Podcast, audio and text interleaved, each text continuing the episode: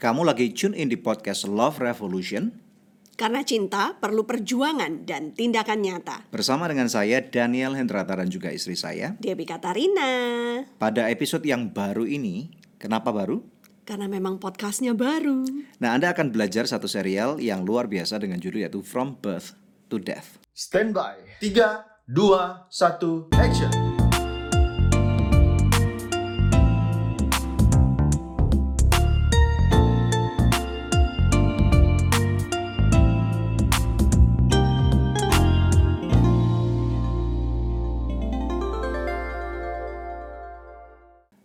Love Revolution.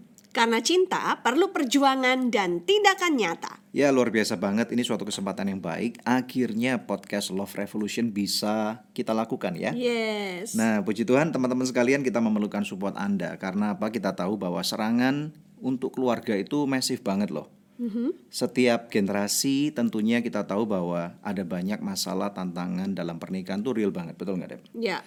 Nah, tetapi akhir-akhir ini kita melihat bahwa serangan itu bukan cuman sangat luar biasa tetapi sistemik gitu loh. Jadi ada suatu kuasa yang kayaknya ingin melihat supaya keluarga-keluarga yang ada itu hancur, kemudian sampai ujung-ujungnya itu perceraian. Dan kita tahu kalau ada perceraian yang jadi korban bukan cuman suami dan istri, betul nggak? Iya, tapi anak-anaknya juga ya kan dan keluarga besarnya juga ikut menderita. Ya, makanya itu eh, kami memerlukan support daripada teman-teman sekalian. Apabila Anda menyaksikan melalui YouTube atau mendengarkan melalui Spotify atau iTunes, yuk bersama-sama kita ini menjadi satu tanggung jawab bersama gitu loh ya. Karena kita tahu pada waktu tanggung jawab yang masif eh, untuk menyelamatkan generasi, kita bisa lakukan bersama-sama sehingga Anda bisa eh, support dengan cara subscribe atau Anda juga like. Tetapi yang lebih penting lagi jangan lupa untuk share ulang kepada network Anda, kepada teman-teman sekalian. Supaya apa, Deb? Supaya makin banyak orang yang bisa dijangkau dan diselamatkan pernikahannya. Nah, kebetulan juga pas hari ini kita launching podcast Love Revolution ini uh, bertepatan dengan hari ulang tahun putri sulung kami. Yes, Angeline Katarina Hendrata. Happy birthday to you. Happy birthday Yes. Angel. Ulang tahun yang 21. Jadi ini adalah suatu hadiah buat bukan cuman buat Angel kali ya, tetapi buat masyarakat at large karena puji Tuhan selama ini eh, kami berdua juga sudah menikah selama 23 tahun. Yes. Eh, dengan adanya podcast ini kami sangat berharap untuk bisa menginspirasi dan juga empower keluarga-keluarga yang di luar sana bahwa eh, kalau kami bisa k- mencapai sampai dengan hari ini tentunya ini karena kemurahan Tuhan berarti kalian pun pasti bisa nothing is impossible? Amin, amin. Ya. Nah, kenapa kita ada di Jakarta meskipun Angel ulang tahun? Karena kita memang lagi terpisah oleh jarak True. selama pandemik Betul. ini. Border Singapura belum dibuka. Angel lagi kuliah di sana dan sebentar lagi lulus. Puji Tuhan ya. puji Tuhan Wow, nggak terasa. anakku lulus S1 Anakku juga. oh iya betul. woi. anak kita tos dulu Iya, tos. Yeay. Alright. Ya. nah makanya itu yuk kita belajar eh, karena dalam kehidupan ini kita percaya eh, from birth to death Ya. Nah artinya apa? Jadi kita tahu bahwa kalau birth itu kan dimulai dengan huruf B, betul nggak Deb? Nah death itu dimulai dengan huruf D. Jadi ini suatu abreviasi di mana di antara B dan D itu ada apanya yo? Ada C lah, anak TK pun tahu kan ya. A, B, Nah, Betul. C, D, Yes, E. Ah, that's right. Makanya kalau kita belajar hari ini bahwa life itu is a choice. Ini yang pertama. Jadi nanti Ya. kita kita akan bagi ada 5 C. Pada episode ini kita akan berfokus kepada C yang pertama yaitu choice, atau Choice. pilihan. Yes, So, hidup itu pilihan, Yes, guys. Kamu yang yang lagi mendengarkan atau lagi menonton, kita harus tahu bahwa hidup itu adalah pilihan. Mm-hmm. Nah, makanya itu kita mau belajar untuk mengulik bersama-sama pada hari ini eh, bahwa eh, di dalam firman Tuhan pun dikatakan bahwa kamu harus memilih Ya. antara kehidupan dan kematian. Ya. Kalau kita harus memilih antara kehidupan dan kematian, mana yang kamu pilih? Aku sih milik kehidupan kamu. Pilih kehidupan dong. Ya iyalah, Karena gila kali pilih kematian. Kalau kita pilih kehidupan bukan cuman artinya kita nggak nggak cuman berbicara secara kontekstual bahwa kita hidup gitu ya. Karena ada banyak orang yang hidup tapi sebenarnya mereka Hmm. Mati. jiwanya itu mati gitu. loh. Iya. Mereka nggak punya semangat, mata mereka itu udah padam, nggak ada sinar, nggak ada harapan. Tetapi kehidupan yang kita omongkan hari ini itu adalah kehidupan yang penuh dengan kelimpahan. Iya. Live life to the fullest. Nah, kita harus milih hal-hal ini dan di dalam kehidupan makanya kita mesti ingat bahwa you have a choice gitu Yeah. ya. Betul nggak? Ya. What do you think about this? Setiap hari kita itu diperhadapkan dengan pilihan-pilihan, ya kan? Hmm. Mau bangun langsung pagi-pagi atau mau snooze alarm clocknya itu juga pilihan, ya kan? Mau makan misalnya kalau saya suka makan telur misalnya ya. Hmm. Telur setengah mateng atau telur rebus atau poached egg, eggs Hmm, ya, ya, kan ya. itu pun juga Itu juga pilihan. pilihan. Mau makan eh, Indomie rebus atau mau makan Indomie goreng. Itu Kamu juga tim yang pilihan. mana gitu kan ya. Oh, bubur diaduk atau bubur gak diaduk Yes. itu juga Guys, pilihan. lu pilih yang mana gitu ya. Kalau kalau kamu yang mana? Aku tim bubur tidak diaduk. Aku diaduk. Ya, jadi eh, setiap kali every second of our life itu kita harus memilih gitu loh. Yes. Dan bahkan itu tadi hal yang yang kita omongkan hal-hal yang simple. Ya. Soal pilih makan, soal mau minum kopi atau teh atau atau misalnya mau eh, apa namanya diaduk atau enggak, itu kan simple choice yang Tapi- kadang-kadang nggak ada konsekuensinya gitu kan. Iya, tapi ada pilih-pilihan-pilihan di dalam hidup ini Yes. yang penting banget dan itu harus benar-benar dipikirkan karena kalau salah pilih akan merubah seluruh jalur kehidupan kita. Katanya katanya William Shakespeare nih Hmm. ngomong gini, and I quote, to be or not to be. Jadi kamu yang to be or not to be? Ya, I don't know gitu ya. Tergantung apa gitu. Betul, makanya itu hari ini kita uh, to be, choose to be in the podcast of Love Revolution. Yes, hari ini kami memilih untuk uh, launchingkan podcast Love Revolution ini. Karena cinta itu perlu perjuangan dan tindakan nyata. Yeay. Oke, jadikan tuh hashtag guys karena cinta itu perlu perjuangan. Oke. Nah, Right. pilihan-pilihan dalam hidup ini misalnya apa aja Daniel yang Ya. penting harus dipikirkan baik-baik. Well, kalau misalnya kita punya anak nih ya, eh, kita berpikir kalau misalnya anak tuh mau sekolah di mana. Mulai dari TK kita udah mikir, betul nggak? Sampai nanti anak masuk SD, kemudian anak misalnya udah masuk SMP, SMU atau bahkan kuliah di mana. Ya. Mungkin lebih lebih gede dikit eh, orang akan mikir kita mau ngambil sekolah misalnya kuliahnya di mana, majornya atau prodinya apa Ya, itu kan harus betul. harus decision gitu loh. Betul sekali. Dan kita nggak bisa cuma ikut-ikutan karena apa? Setiap eh, pilihan yang kita buat itu akan ada konsekuensinya. Dan That's right. kadang-kadang konsekuensi yang yang ada memang bisa mild atau bisa parah gitu ya. Tetapi Mm-hmm. imagine kalau kamu misalnya kuliah aja deh. Kamu Mm-hmm. kuliah udah rencananya tiga tahun atau empat tahun, kamu kuliah dua tahun atau satu tahun menyadari bahwa, hei, Salah ngambil jurusan. salah ngambil jurusan gitu loh. Hmm, ya. Ingat nggak kita pernah salah ambil jurusan pada waktu kita naik mobil di Amerika? Oh, tapi bukan Lupa salah jurusan ngambil sekolah ya. Bukan, bukan, bukan. Jadi ceritanya nih gini-gini guys. Eh, waktu itu kita masih pacaran nih ya. Ini long long time ago gitu ya. In Nggak usah ngomong tahun Bethlehem. berapa Oh, gitu ya. enggak.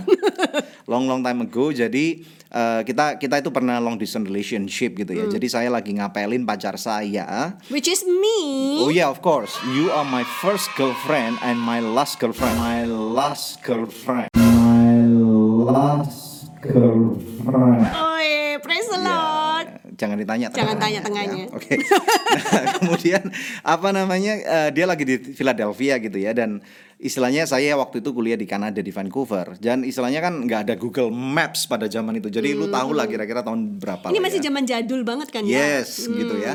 Jadi eh, waktu itu dari eh, Philadelphia kita mau jalan-jalan ke New York. Kita sewa mobil gitu. Jadi oke kita harus buka map dulu, buka peta. Oke kira-kira di sini gitu ya. Kita ngejos aja gitu kan. Terus kemudian tiba-tiba di Amerika itu kan mobil eh, polisi yang namanya polisi itu akan sembunyi di semak-semak di tengah-tengah jalan tol gitu ya. Jadi kalau lu lihat polisi di jalan and lu ngebut speeding, lu kena tilang Tilang. gitu ya. Tiba-tiba Dan dia keluar dari semak-semak. Pada waktu saya nyetir dan saya nyetirnya tuh sukanya ngebut gitu loh. Saya nggak suka nyetir yang pelan-pelan gitu ya. Jadi pada waktu waduh shoot kena polisi nih kena nih. Jadi dikejar sama polisi. Udah deh kalau lu dikejar di- sama polisi di Amerika atau di mana aja lu jangan lari bos. Nanti lu ditembak gitu lah istilahnya gitu. Jadi polisi udah ngejar kita berhenti. Ini orang Amerika nih ya. How are you sir? Dia tanya gitu ya. Kita kan masih kuliahan gitu ya. Eh, how are you doing today? I'm fine, officer gitu. How can I help you? Saya tanya. And then dia tanya, where are you heading gitu ya. Saya bilang New York City gitu ya. Orang pengen ke New York City gitu ya. Terus kemudian dia bilang Oke, New York City is that way, way around. Jadi ini yang terjadi guys. Jadi Alias nyasar. itu udah nyetir satu jam setengah guys. Jadi ya, Hmm. ya that's life gitu. Kalau kalau lu sadar bahwa lu buat keputusan yang salah dalam kehidupan, Harus detour, harus putar Yes. balik, ada harus masuk lagi konsekuensinya ke jalur kan. yang benar. Tapi kalaupun misalnya lu hari ini sadar bahwa lu buat keputusan yang salah, lu jangan gengsi untuk berhenti dan putar balik. That's it gitu ya. Jadi karena apa? Kalau misalnya lu gengsi dan kemudian lu mau ke New York City, kemudian sampai akhirnya lu sampai ke Florida, ya lu jadi orang bego gitu loh. Ya. Ya, tapi kan masalahnya kalau salah ngambil jalan gitu masih bisa Ya. puter balik ya Betul. kan. Kalau misalkan salah milih istri, salah milih suami. Lah itu loh gimana? Zaman sekarang tuh banyak banget yang kemudian dijadikan Hmm, alasan gua salah pilih nih, gua menikah sama orang yang salah. Akhirnya dijadikan alasan untuk berpisah atau bercerai. Ya kebanyakan orang akan akhirnya mereka mengambil keputusan yang simple menurut mereka dan itu adalah tepat tep- bagi mereka ya tepat guna yaitu mereka cerai. Tetapi sebenarnya kita tahu bahwa cerai itu bukan satu keputusan yang benar. Karena apa? Karena mereka berpikir, wah ini salah, salah dapat orang nih, gitu ya. Ini kita nggak ngomong orang yang istilahnya lu sampai dipukulin sampai orangnya buta, kemudian sampai pincang gitu ya, yang life threatening kita nggak ngomongin yang ke sana dulu nih ya. Iya. Tapi begitu sampai akhirnya lu berkata orang dulu waktu pacaran fun, tapi kemudian pada waktu menikah ternyata Berubah. orang ini brengsek banget gitu ya. Kemudian ternyata dia nggak suka apa yang gua suka dan kemudian setiap kali ngomong kan bisa bisa berantem nih, ya kan? Nah kemudian pada waktu akhirnya mereka memutuskan untuk bercerai for the sake of orang bilang biasanya orang cerai ngomong apa tuh karena masalah yang nggak diselesaikan kan, Irreconcilable differences. differences. Ya kan? Itu berarti kan ada satu satu values yang nggak mungkin ketemu menurut mereka. Nah, akhirnya mereka bercerai. Guess what? Menurut penelitian, orang yang bercerai eh, 70% daripada orang-orang ini kan istilahnya gini, orang yang bercerai akhirnya mereka kan punya kebutuhan biologis dan kemudian mereka nggak mau hidup Kawin dalam lagi. dalam dalam persinahan atau adultery atau fornication gitu ya. Mereka kawin ulang. Nah, supaya nggak dicap masyarakat dengan label yang jelek. Nah, ternyata orang yang menikah ulang karena kawin cerai ini 70% daripada pelakunya mereka bercerai lagi Di pernikahan yang kedua. di pernikahan yang kedua. Karena apa? Mereka ternyata sadar sama aja ya. Gitu ya. Maksudnya Jadi setiap pernikahan itu semestinya sama, Sama gitu aja, kan. Jadi gitu. eh, kalaupun misalkan hari ini per- dalam pernikahan Yes. kalian itu ada menghadapi suatu masalah prahara, ya kan badai topan, pilihan itu juga tetap ada. Yes. Pilihlah untuk bertahan di dalam pernikahanmu. Pilihlah untuk restorasi terjadi dalam pernikahanmu bukan bercerai. Itu pilihan berarti gitu. dong. Iya, itu juga It's a pilihan. choice gitu yes, ya. Bahwa yes. jadi artinya sama kalau kamu eh, istilahnya terintimidasi karena kadang-kadang suami istri kita pun kadang-kadang kalau lagi berantem gitu ya. Pernah berantem nggak sih kita? Sering. Sering.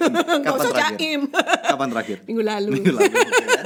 Jadi kalau berantem ya seek re- re- reconciliation. Iya. Carilah perdamaian gitu Hmm. ya. Jadi kita eh, mungkin kadang-kadang untuk berdamai kita juga harus dibantu oleh pihak ketiga bila Dan, dan tapi mungkin kita harus lebih real gitu. Kamu Yes. pernah nggak mikir bahwa kamu salah merit sama aku?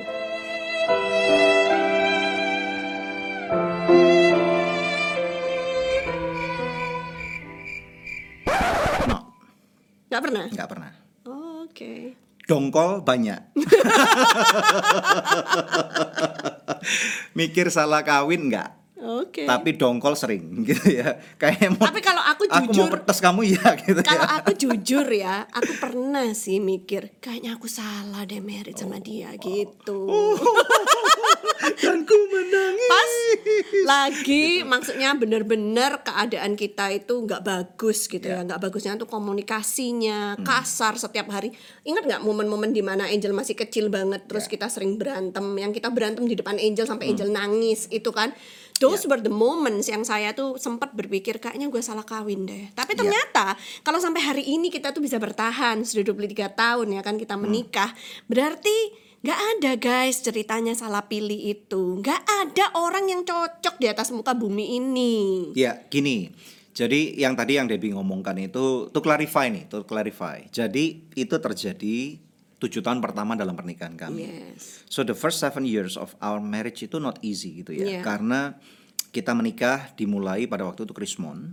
Uh, Jadi kita ku- kuliah di luar negeri bisa dikatakan dampaknya sangat negatif banget gitu ya. Maksudnya bukan negatif, tapi nggak berbanding lurus dengan hasil, gitu ya. Susah banget keadaan Susah banget lah, susah banget gitu. itu. Dan kita merit waktu itu tanggal berapa? Ayo. 7 Februari Tahun? 1998. Ya, so now you know gitu ya. Kita kita waktu itu benar-benar dalam satu kondisi yang tidak mudah menikahnya. Nah, tujuh tahun pertama ini menjadi satu pembelajaran yang yang sangat penting nggak dalam kehidupan kita? Penting banget. Justru itu Ya. merupakan dasar supaya kita bisa mengarungi masa-masa dalam pernikahan kita ke depannya itu dengan lebih baik. Betul. Kupikir gitu. Jadi itu momen-momen kita saling belajar mengenal lebih lagi satu dengan Yes. yang lain. Meskipun kamu sama aku tuh udah kenal masing-masing itu sejak kelas 5 SD. Betul guys. Tapi ternyata Hmm. pas sudah menikah harus kenalan lagi gitu. SD satu sekolah, SMP satu sekolah, SMA satu sekolah gitu.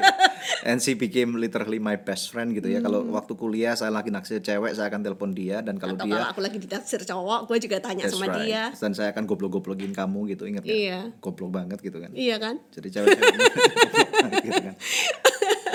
Hai. Eh, ya. masa mau udah mau orang udah kuliah tujuh tahun mau dipacarin sama Ya cowok. udah ya. itu masa lalu gitu kan. Nah, tapi anyway, ini go back go back to the to the essence of our discussion today.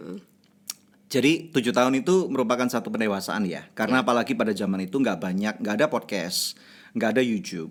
Jadi kita literally nggak tahu mau belajar dari mana, karena eh, kalau ke gereja itu hamba tuannya tua-tua semua, nggak kayak zaman sekarang kayak kita hamba tuan cool gitu ya. Jadi approachable gitu kan. Jadi hamba-hamba tuan kayaknya, aduh, kayak nggak relevan banget gitu. Apa yang mereka omongkan itu nggak akan relevan dengan apa yang kita alami. Itu yang kita rasakan, betul kan? Nah, jadi akhirnya kita harus belajar sendiri, kita harus istilahnya jatuh bangun, tapi puji Tuhan karena Tuhan itu baik.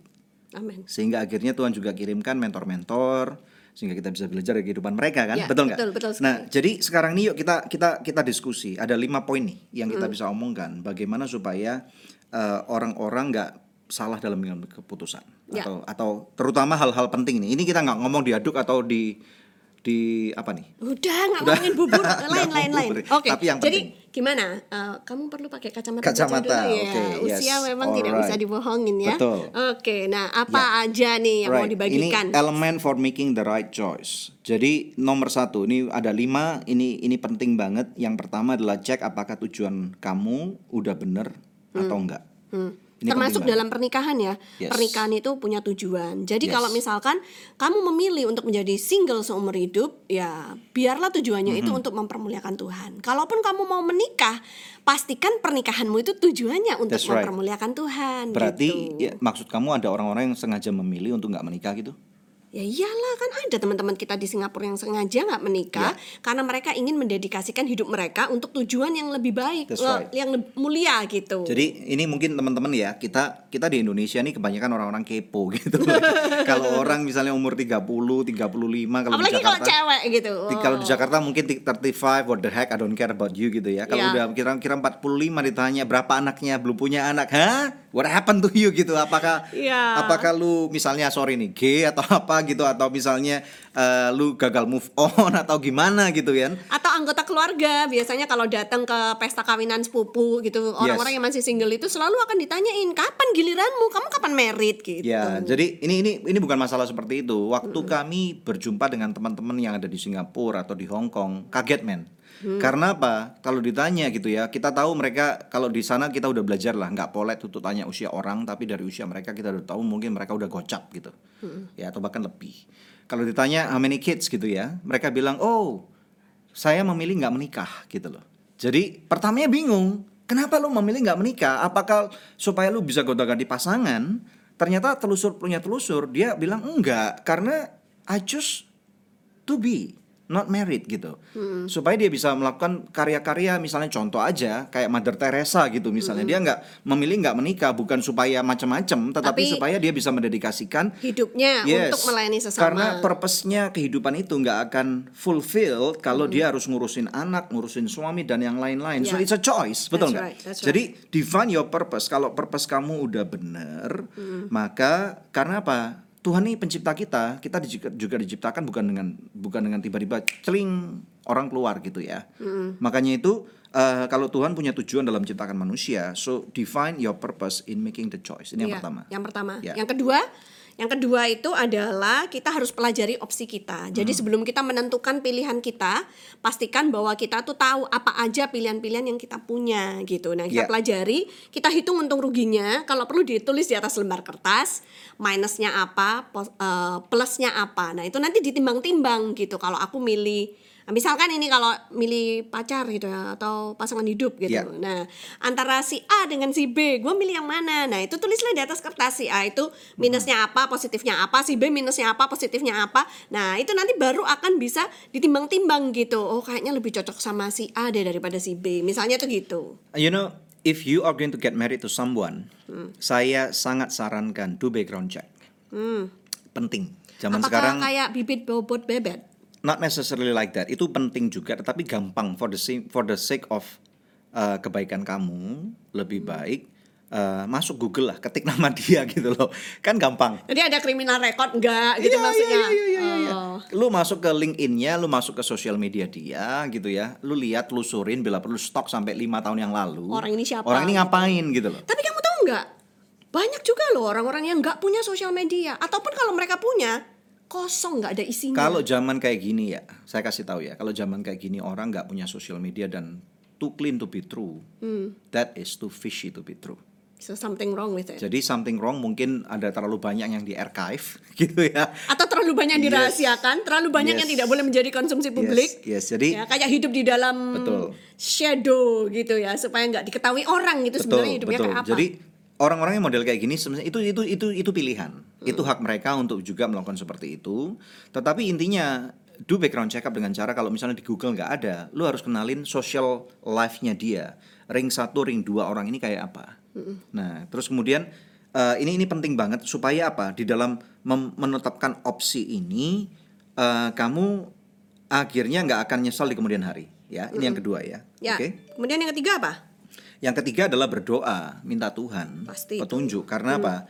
Karena kita ini adalah ciptaan Tuhan.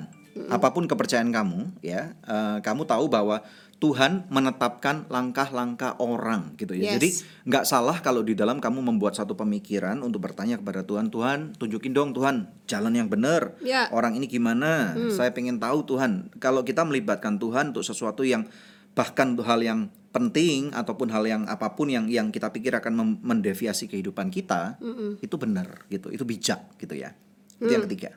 Keempat, Yang keempat Jangan yaitu- lupa minta masukan atau nasihat dari orang-orang yang kredibel dan dapat dipercaya. Itu bisa orang tua atau sahabat kita. Karena tiap orang itu pasti punya yang namanya blind spot.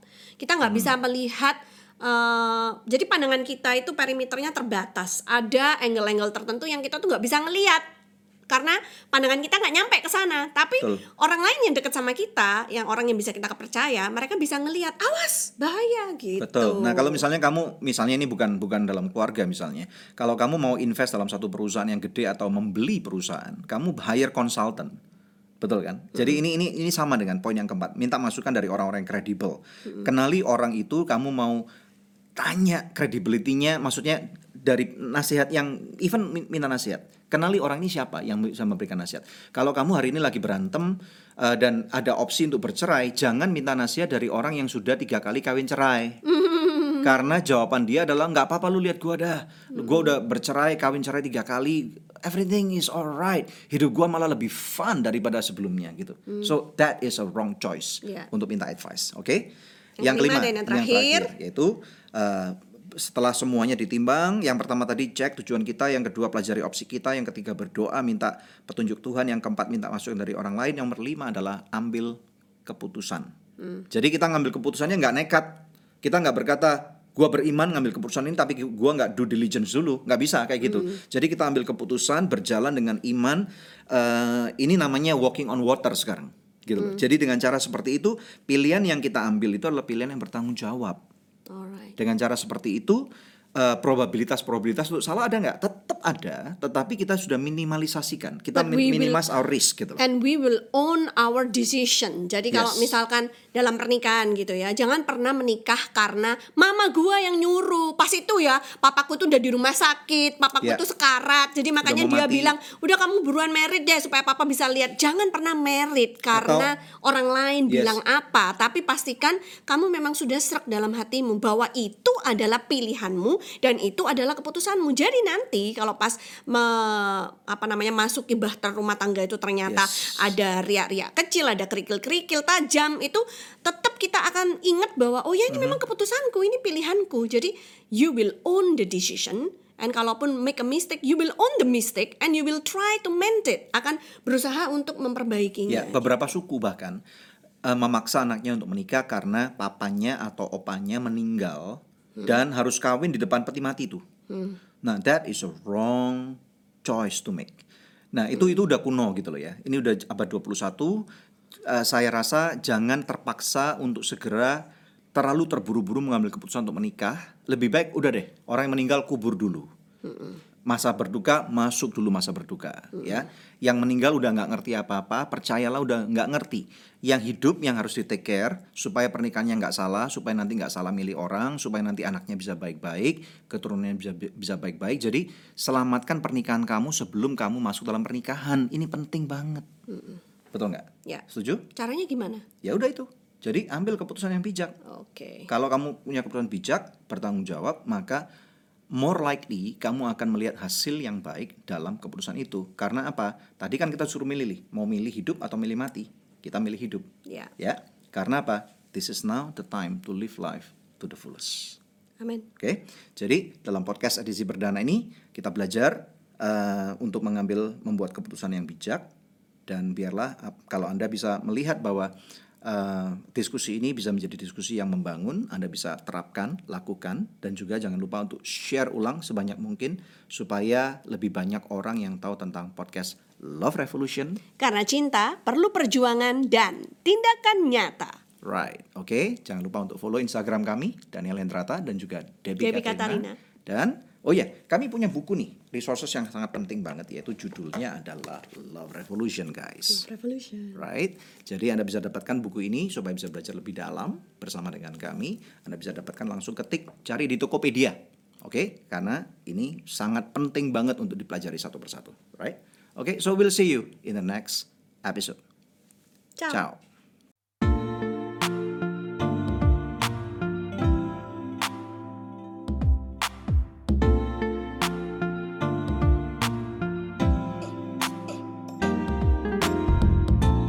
Kasih sudah tune in di podcast Love Revolution.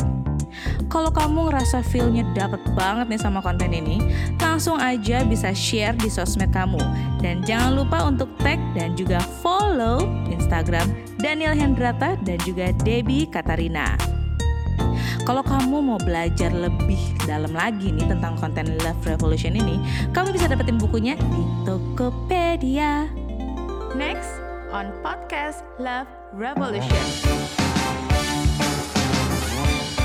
Podcast Love Revolution. Karena cinta perlu perjuangan dan tindakan nyata. Ya, pada episode kedua kali ini kita akan belajar satu topik yang menarik banget dengan judul yaitu Life is a coffee. Jadi seharusnya pernikahan itu sakral. sakral. Kalau ceweknya masih perawan dan cowoknya masih berjaka, berarti di malam pertama harusnya mereka berdua Kesakitan. lecet dan Yes. darah kan. Betul. Bagi manusia abad modern ini keperawanan atau keperjakaan itu menjadi sesuatu yang bukan lagi merupakan sesuatu yang esensi. Hmm. Sayangnya di sana. Nah, nah. Nggak boleh ya seks sebelum nikah gitu Hmm. kan. Tapi mereka tuh nggak tahu gimana caranya supaya nggak terjebak dalam seks sebelum menikah. Mungkin Daniel bisa kasih masukan.